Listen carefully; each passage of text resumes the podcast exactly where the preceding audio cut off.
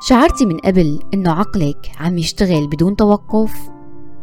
تعبتك الأفكار اللامتناهية يلي عم تدور براسك بشكل مستمر؟ عم تواجهي صعوبة بالتركيز أو اتخاذ القرارات بسبب تدفق التفكير الزائد بعقلك؟ إذا عم تعاني من هالأشياء فأنت مو لوحدك التفكير الزائد ظاهرة منتشرة جدا وخاصة بظل سرعة الحياة الحديثة وزيادة التوتر والضغوطات المحيطة فينا. بهي الحلقة رح أحكي عن أهمية فهم التفكير الزائد وتأثيره على حياتنا. رح نكتشف أسبابه عواقبه السلبية وحشارككم استراتيجيات قوية للتحكم بالتفكير الزائد وتحقيق السلام العقلي. تابعوني بهالحلقة الشيقة واستعدوا للانغماس بعالم الاسترخاء العقلي والتحكم بالأفكار لتحقيق حياة متوازنة وصحة نفسية قوية. معكم الأخصائية النفسية سارة فرعون بشارككم من خبرتي وقراءاتي ضمن بودكاست تكتيكات حياتية. هدفي نشر الوعي بأهمية الاهتمام بجانبك النفسي. هالشي يلي حيخليكي أكثر راحة وسعادة. مواضيعي جديدة ومتنوعة وبعتمد بشكل أساسي على أبحاث ودراسات أجنبية حديثة. عنوان حلقة اليوم دوامة التفكير. لما بيصادفنا مفترق طرق بالحياة أو بيحدث تغيير مفاجئ بيلزمنا لنتخذ قرار مصيري أو يمكن لما بنكون مقبلين على شيء جديد مثل الزواج الانفصال أو اختيار التخصص الجامعي. غالبا بنميل لنمضي معظم وقتنا بالتفكير بالقرار المناسب. هالشي منطقي نوعا ما لأنه نحن أمام قرار مصيري ولازم نفكر منيح لحتى يكون قرارنا صحيح. لكن أحيانا ممكن نلاحظ إنه دماغنا ما عم يوقف عن التفكير وهالتفكير عم يكون بأشياء ما لها مهمة وبخيارات وقرارات بسيطة وما عم نقدر نوقف هالتفكير وكأنه دوامة يا الله أنا ليش درست هالتخصص؟ يعني لو درست هندسة معلوماتية مو كان أحسن؟ خاصة مع هاي الأخبار اللي عم نسمعها وثورة الذكاء الاصطناعي وما بعرف شو قال عم يقولوا إنه الأطباء البشر بدهم ينقرضوا ويستبدلوهم ب robots أو أجهزة ذكية. تخيلي يا فلانة إنك ترسبي بالامتحان. إيه وتعيدي السنة. يا سلام شي جميل. يعني أكيد حيتأخر تخرجك. وتأخر تخرجك حيؤدي لتأخر زواجك. ولا تستبعدي يصير مشكلة مع خطيبك وأهله وأهلك كمان بسبب التأجيل. إيه أكيد أكيد. وأهلك ما حيكونوا أبدا مبسوطين. آه. هالنوع من التفكير دوامة حرفياً؟ هاد هو التفكير الزائد أو الأوفر ثينكينج هو التفكير بشكل زائد عن اللزوم بأمور بتخص الماضي الحاضر أو المستقبل. لحظة. لكن مو كلنا ممكن يصير معنا هالشي بفترة من الفترات؟ طبعا. هالأمر طبيعي جدا. من فترة لأخرى ممكن نلاحظ أحيانا أنه ارتفعت عنا نسبة التفكير أو زادت مخاوفنا بالنسبة لشيء ما. لكن الشيء الغير طبيعي أو يلي ممكن يثير قلقنا ويكون دليل على وجود تفكير زائد هو هي العلامات. التفكير بنفس الأفكار أو المخاوف بشكل متكرر ودون انقطاع. تخيل أسوأ الأحداث وبناء سيناريوهات عنها. قضاء وقت كبير بالتفكير بأشياء سيئة حصلت بالماضي أو التنبؤ بحصولها بالمستقبل. الشعور بالاكتئاب والإحباط بسبب هي الأفكار. التفكير بشيء ما لدرجة إنك تجدي صعوبة بالتركيز على شيء آخر. الاستمرار بالتفكير بالموقف بعد اتخاذ القرار أو اقتراح حلول منطقية. هي كانت علامات التفكير الزائد. انتبهي إذا موجودة عندك. فهالنوع من التفكير ممكن يكون خطير جدا. وإذا استمر عند الفرد ممكن يأثر على مختلف جوانب حياته. فممكن يأثر على النوم العمل العلاقات الصحة ومجالات أخرى بالحياة. لذلك من الضروري نتعرف على هذا النوع من التفكير ونتعرف على أسبابه لحتى نعرف نتعامل معه. الإنسان عدو ما يجهل. نحن كبشر بطبيعتنا منخاف من المجهول. لهيك منميل إنه نفكر ونخطط تحسبا لأي شيء مفاجئ ممكن يحدث معنا. وهالشي ممكن يكون أحد أسباب الانغماس بالتفكير الزائد. لكن حقيقة كل ما فكرنا أكثر كل ما أخفقنا أكثر. فالتفكير الزائد بيقودنا للتوتر. ولما بنتوتر بتنفرز هرمونات التوتر هالشي بيمنعنا من التفكير بالشكل الصحيح وبشكل منطقي وبيمنعنا من القدرة على اتخاذ القرار المناسب. مو بس هيك لما بترتفع مستويات هرمون التوتر عنا هالشي بيجعلنا نفقد القدرة على التعرف على ما هو خيالي وما هو حقيقي. ونتيجة هالشي بنبدأ بنتصرف وكأنه الأفكار يلي بخيالنا صارت حقيقة. تعرفوا المثل تبع كذب الكذبة وصدقها؟ تماما. يعني أحيانا التفكير بيخلق مشاكل جديدة بدل ما يحل مشاكل حالية. في أسباب تانية للتفكير الزائد من بينها الرغبة في السيطرة. غالبا بنميل إنه نفكر كتير ونقلق كتير لما بيكون عنا رغبة بالسيطرة على البيئة من حولنا. لأنه لما بيحدث أي شيء حولنا ما بينسجم مع شخصيتنا وعاداتنا ممكن هالشي يسبب لنا توتر. بالإضافة لأنه نحن كبشر غالبا بنحب نسيطر على البيئة اللي حولنا منعا لحصول أي أخطاء ما عنا القوة أو القدرة لتحملها. كيف يعني؟ إذا فرضا سبق وتمت خطبتك لشخص وبعد فترة اكتشفتي إنه هو ما له الشخص المناسب إلك. أو اكتشفتي إنه شخص غير جيد فتركتوا بعض انفصلتوا بعد فترة تمت خطبتك مرة تانية لشخص آخر. حتلاحظي على حالك إنك غالبا أثناء اتخاذ قرارك إنك تكملي مع هالشخص أو لا حتعاني من التفكير الزائد. لأنك سبق وعانيتي من تجربة كانت غير ناجحة فأنت هلأ خايفة من أنه تتكرر هالتجربة. فبتصيري قلقة ممكن تصيري شكاكة شوي. كل رسالة ببعتها يا ترى شو قصده؟ ليه عم يحكي بهي الطريقة؟ وإذا غاب فترة وما اتصل يا ترى شو في؟ شو صاير؟ شو ممكن يكون في خلف هالتصرف؟ وهكذا. تبدأ السيناريوهات والمسلسلات يلي ما بتنتهي. بيقول الدكتور النفسي سنام حفيظ المشكلة بالتفكير الزائد إنه دماغنا دائما جاهز ليولد سؤال جديد بسبب القلق. هالشي فعلا ما بيساعدنا أبدا باتخاذ القرار فالتفكير الزائد ما بيخلص. يمكن يكون بعضكم هلأ عم يقول سارة يعني هاد قرار مصيري معقول ما نفكر منيح وما ناخد وقتنا؟ معقول ما نحلل التصرفات ونفكر يا ترى شو في وراء هالتصرف وليش عمل هذا الفعل؟ بالفعل كلامكم صح. التفكير الزائد مو دائما سيء. أحيانا من الضروري إنه نفكر بأشياء ومشاعر معينة نحللها نقيمها ونختار طريقة للسيطرة والتعامل معها. هالشي أصلا مهارة من مهارات الذكاء العاطفي. وهالتفكير يعتبر طبيعي خاصة لما بيكون في قرار مهم لازم نتخذه مثل قرار الزواج أو انتقال لبلد آخر أو انتقال لعمل جديد. وكمان لما بنكون بنعاني من مشكلة بتحتاج لحل.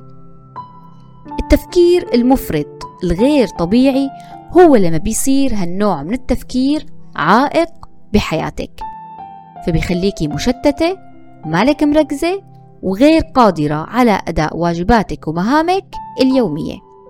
ضروري نفكر بالقرارات المصيرية لكن مهم جدا أعرف وين فكر وإمتى فكر وكيف فكر ولإمتى ضل عم فكر. ضروري نحط ديدلاين وقت للتوقف عن التفكير.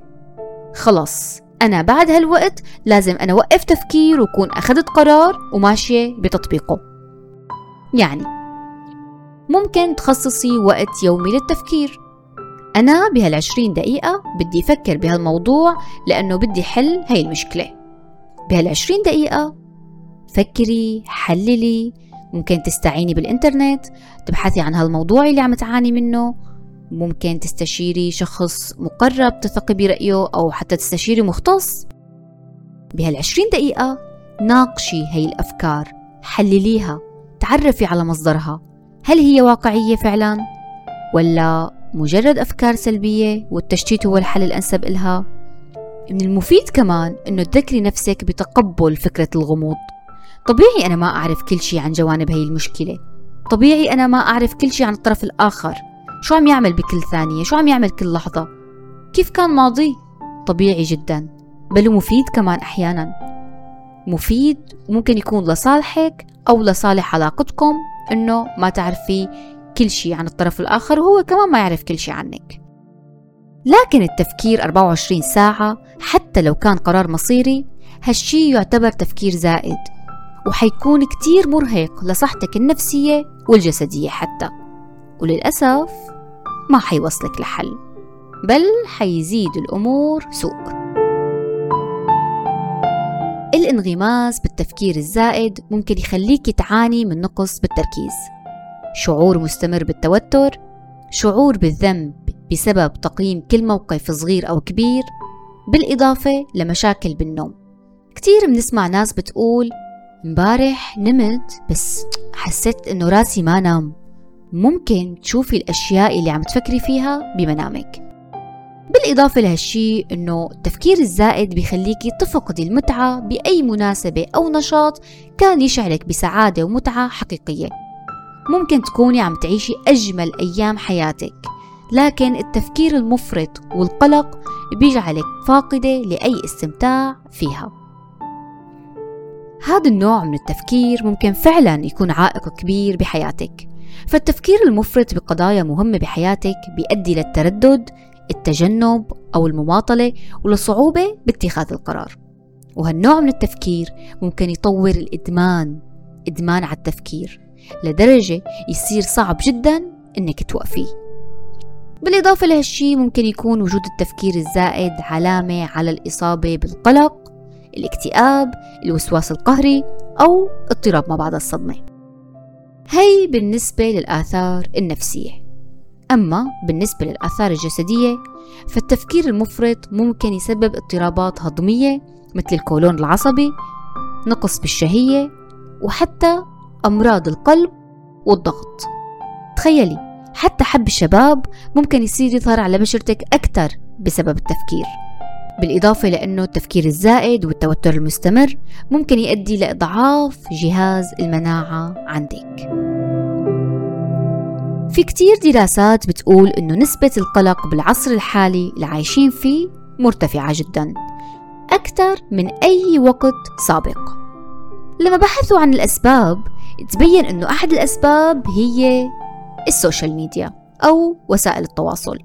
بالمثال السابق يلي ذكرته قبل شوي عن اللي عم تفكر بقرار الزواج تخيلوا إنها لو صادفت منشور على الفيسبوك أو إنستغرام عن صديقتها يلي عم تقضي أحلى أيامها مع خطيبها من دون مشاكل ومن دون تفكير حتبلش تتساءل ليه أنا بس مالي مبسوطة بخطبتي؟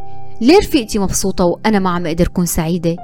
حتبلش المقارنة وفقا للجمعية الأمريكية لعلم النفس وجدوا أن الإنستغرام من أسوأ تطبيقات التواصل الاجتماعي لأنه من أكثر المنصات يلي بتأثر سلبا على الصحة النفسية. دراسات عديدة. ربطت الإنستغرام بالاكتئاب القلق بشأن شكل الجسد انخفاض تقدير الذات القلق الاجتماعي المقارنة الاجتماعية بالإضافة لمشاكل أخرى. بالإضافة لهالشي إنه وسائل التواصل الاجتماعي رفعت من توقعاتنا بالحياة. لما بنعتاد على رؤية البيوت الفارهة الأثاث الأنيق السفر والإجازات الملابس الفاخرة والماركات المكياج المضبط الشعر المنسق البيت المرتب والوجوه يلي كلها فلتر. تعرض لكل هالأشياء بيخلي منزلنا المتواضع ما يعجبنا. بشرتنا الطبيعية شعرنا المتعب الملابس المتواضعة والبيت الغير مرتب. هالشي بيخلينا نفكر يا الله إمتى أنا بده يصير عندي أثاث مثل هاد؟ إمتى بدي أشتري ملابس مثل هاي؟ إمتى حسافر وصور stories وجاكر الناس اللي عم عم تصور هاي ال stories فكل هالشي ممكن يسبب عنا تفكير زائد. فوسائل التواصل بتخلق جو من المثالية. كل شي مرتب ونظيف وحلو ولامع. هالشي بينعكس على تفكيرنا وحياتنا وبنصير دائما بنبحث عن المثالية يلي هي وهمية صراحة. ما بنقدر يكون دائما بيتنا مرتب. وبشرتنا صعب تكون دائما صافية ومرتاحة. وصعب كمان دائما نشتري أثاث أنيق ونسافر سفرات غالية. فهالشي كله بيقودنا للتفكير الزائد. وصراحة الأشخاص الباحثين عن المثالية هن عرضة أكبر أو عرضة بشكل أكبر للإصابة بالتفكير الزائد. فهن بيفكروا كتير لحتى يكون كل شي بيرفكت كامل وعلى الأربعة وعشرين. وهالشي مو دائما يمكن تحقيقه. فالمرونة شيء أساسي بالحياة لأنه بتساعدنا كتير لنعيش حياة مريحة. التفكير الزائد أحيانا ممكن يكون زائر خفي متنكر. فبيظهر عن طريق أنماط فكرية معينة أو ما يسمى بعلم النفس بأخطاء التفكير. أخطاء التفكير هي أنماط سلبية أو غير منطقية من التفكير بتساهم بحدوث مشاكل نفسية مختلفة مثل القلق، التوتر والاكتئاب. فمنقدر نعتبر أخطاء التفكير شكل من أشكال التفكير الزائد. رح شارككم أشهر ثلاث أنواع من أخطاء التفكير. قراءة الأفكار أو ال mind reading. بهذا النوع من التفكير بيفترض الشخص شو عم يفكر الشخص الآخر أو بيفترض أنه الطرف الآخر بيعرف شو هو عم يفكر.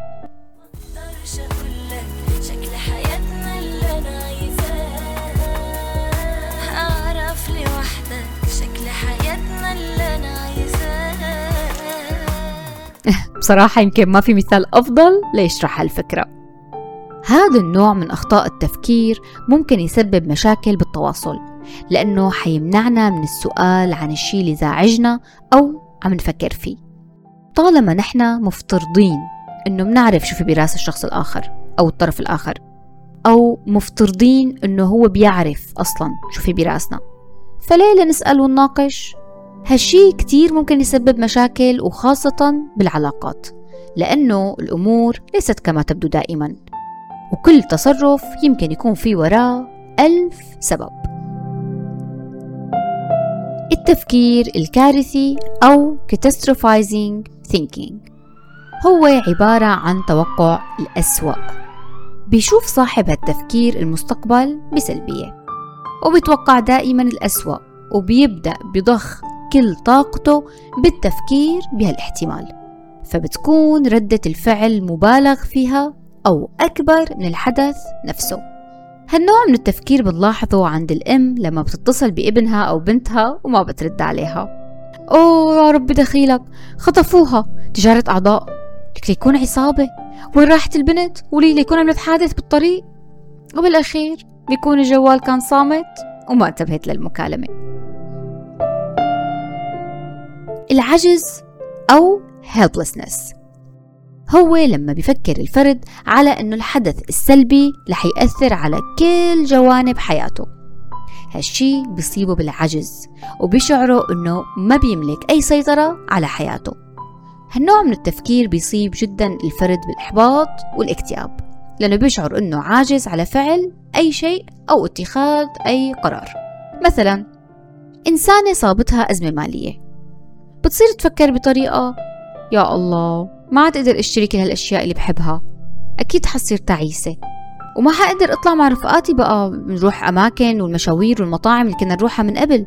أصلا يمكن أكيد يتخلوا عني ويبطلوا يحكوا معي. وما بقدر أنا أعمل شي شو بدي أعمل؟ مو طالع بإيدي شي هي الأفكار حتصيب صاحبتها بالعجز وتجعلها غير قادرة على حل مشكلتها المالية. هدول كانوا أهم ثلاث أخطاء بالتفكير وبتقدري أنت كمان تبحثي أكثر عن الموضوع انتبهي لنوعية أفكارك وحاولي تحددي أي نوع بتعاني منه أكثر حتى تقدري تسيطري عليه وتتحكمي فيه يا ترى كيف ممكن نتعامل مع هالنوعية من التفكير؟ كيف ممكن نسيطر عليه؟ هالشي بيعتمد على موضوع التفكير إذا كان هالتفكير الزائد بيتعلق بالماضي فدربي نفسك على التصالح مع الأشياء المزعجة يلي حصلت معك بالماضي. بالإضافة لتقبلها. ممكن تتعلمي من الأشياء اللي حصلت معك. التعلم منها بيخليكي تحصلي على تجارب أفضل. بينما إذا كانت التجارب الماضية قاسية جدا وفعلا صعب عليكي جدا إنك تتخلصي منها فطلب استشارة نفسية هو الحل الأمثل. في طرق تانية للتعامل مع التفكير الزائد مثل ممارسة النشاطات اللي بتحبيها بشكل مستمر فهي كفيلة بأنها تشتت هي الأفكار وتخليكي تستمتعي باللحظة. المهم جدا كمان أنك تدربي نفسك على العيش باللحظة الاستمتاع باللحظة التواجد أصلا باللحظة. بأوقات كتيرة بنكون عم نعيش لحظات كتير حلوة لكن للأسف تفكيرنا وتركيزنا بمكان آخر. من الأمور كمان اللي بتساعدك على السيطرة على الأفكار أو التفكير الزائد هي الرياضة. رياضة مفيدة جدا بهالخصوص. فوفقا للجمعية النفسية الأمريكية الرياضة بتحفز إفراز هرمونات السعادة مثل الأندورفين الدوبامين والسيروتونين. والرياضة مفيدة جدا بالتخفيف من أعراض التوتر والقلق. تعرفوا إنه الأندورفين هو نفس الهرمون اللي بينفرز وقت تعاطي المخدرات؟ نعم.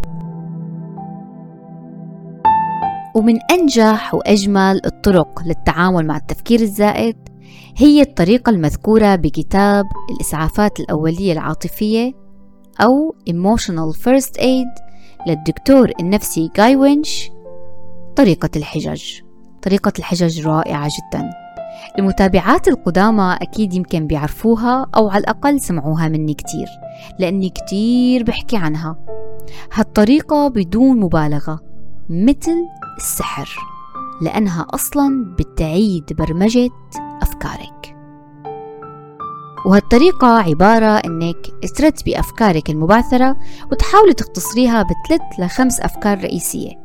يعني اسألي نفسك شو هن أكثر ثلاث لخمس أفكار رئيسية عم يخطروا عبالي خلال اليوم ويلي زعجيني كتير وعم يسببوا لي التفكير الزائد اكتبي هاي الأفكار بعدين ابدأي بكتابة حجة لكل فكرة مثلا ممكن تكون الفكرة بشعر بالفشل لما أتذكر أني رسبت بامتحان الجامعة وصديقاتي كلهم نجحوا الحجة ممكن تكون لو شو يعني إذا رسبتي بمادة؟ نهاية العالم؟ الدكتور الفلاني بزمانه راسب السنة كاملة مو مادة واحدة بس وهلأ هو ما شاء الله ناجح ومعروف وهكذا. إذا الحجة ممكن تكون عبارة عن مثال معلومة إحصائية تجربة أو قصة. ممكن تكون أي شيء قادر على إضعاف الفكرة السلبية وإلغائها. وبعد ما تكتبي هاي الأفكار كلها والحجج المناسبة إلها عيدي تنظيم الورقة اللي كتبتي عليها بحيث يكون من السهل الرجوع إلها عند الحاجة. وبهالطريقة بيكون صار عندك حجج قوية ضد أفكارك السلبية فيك ترجعي لها بكل مرة تخطر فيها على بالك هي الأفكار. بدل ما تضلي عم تفكري بهالأفكار وتفوتي بهالدوامة ترجعي لهي الحجج أو بترجعي لهي الورقة لحتى تحاربي هي الأفكار من خلالها. مع التكرار مع التكرار حتلاحظي إنه دماغك تمت إعادة برمجته وصار تلقائيا يفكر بهالحجج بدون ما يمر على الأفكار. يعني صار دماغك دغري بمر على الحجج بدون ما يمر على الأفكار السلبية. والأفكار السلبية بتلاحظي إنها اختفت تماما لأنه هي الطريقة قائمة على التحكم بالأفكار. وإمتى قدرتي تتحكمي بأفكارك قدرتي تتحكمي بحياتك. فالأفكار بتقود لمشاعر والمشاعر بتقود لسلوك. مرقت معي حالة عالجتها كان معها قلق معمم. نسبة القلق عندها كانت مرتفعة كتير واستمرت لوقت طويل بصراحة. استمرت تقريبا لمدة ست سنين تخيلوا. ست سنين من القلق والأفكار السلبية وكل هالشي هاد. قائمة الحجج كانت أحد الأدوات الأساسية والفعالة يلي ساعدتها على التخلص من هالقلق. وبصراحة أكثر أنا كان عندي تجربة مع القلق. كانت عندي نسبة القلق والتفكير الزائد مرتفعة بشكل ملحوظ من وقت ما كنت طفلة. لكن الحمد لله تخلصت منها من تقريبا ما يزيد عن خمس سنوات. في دراسة بتقول إنه من المفيد إنه يكون الأخصائي النفسي مر بتجربة قلق أو اكتئاب. لأنه بيكون عنده معرفة فعلية وحقيقية بالشي اللي عم يمر فيه الطرف الآخر. فأنا بعرف فعلا شو يعني ضل تفكيرك شغال ليل نهار وما تقدري تساوي شي لهي الأفكار وما تقدري توقفيها. بكتاب أهم خمسة أشياء يندم عليها المرء عند الموت كتبت بروني وير وهي ممرضة اشتغلت فترة برعاية المسنين عن تجاربها بالحديث مع العديد من الأشخاص يلي كانوا عم يحتضروا قدامها. يا حذركم شو أكتر ندم عبروا عنه هدول الأشخاص اللي كانوا عم يحتضروا؟ أكبر ندم عبروا عنه هو ندمهم من الشعور بالخوف.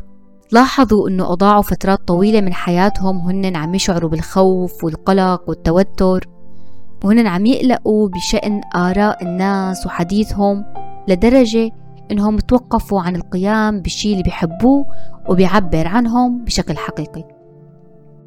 كم مرة خفنا من أشياء وما صارت بعدين؟ كم مرة توترتي وتعبتي وفكرتي من شي سيء ممكن يحصل وبالأخير ما حصل هذا الشيء اللي فكرتي فيه. صار الوقت إنك تتوقفي عن القلق. صار الوقت إنك تتوقفي عن التفكير بشكل زائد. لا تخليه مصدر ندم بنهاية حياتك. إذا جربتي كتير طرق وبذلتي كتير مجهود ومحاولات لتتخلصي من التفكير الزائد والتوتر والقلق المرتبط فيه وما قدرتي فمن المفيد جدا إنك تشوفي أخصائي نفسي. في أشياء يمكن ما تقدري تتجاوزيها لوحدك. يمكن تكون الأدوات والطرق اللي عندك ما لا كافية والأخصائي النفسي عنده القدرة إنه يزودك بهالأدوات الفعالة. تقدري تحجزي معي استشارة نفسية عن طريق رسائل صفحة تكتيكات حياتية. بصخب هالحياة وانشغالاتها من المفيد جدا إنك تخصصي كل يوم نصف ساعة تكوني فيها لوحدك بدون أفكار بدون عمل بدون توتر وبدون قلق. لوحدك فقط. ممكن تقرأي تتأملي ممكن تعدي ببلكونة بيتك تتأملي بالمنظر الجميل أو الأشخاص المارين. ممكن بهالوقت كمان تمارسي تمرين الامتنان تكتبي أو تسترجعي الأشياء الجيدة اللي حصلت معك خلال اليوم اللي خلتك تشعري بالسعادة. هالوقت ما بدنا نحصل من خلاله على شيء أبدا بدنا نسترخي فقط. نسترخي نتنفس ونتصل مع ذواتنا. بتمنى تكون عجبتكم حلقة اليوم. تقدروا تخبروني رأيكم عن طريق صفحة تكتيكات حياتية على الفيسبوك أو على الإنستغرام. وكمان بيهمني أعرف شو الحلقات أو شو المواضيع يلي بيهمكم تعرفوا عنها. دمتم دائما بصحة نفسية. لا تفكروا كتير. عشرين دقيقة بس.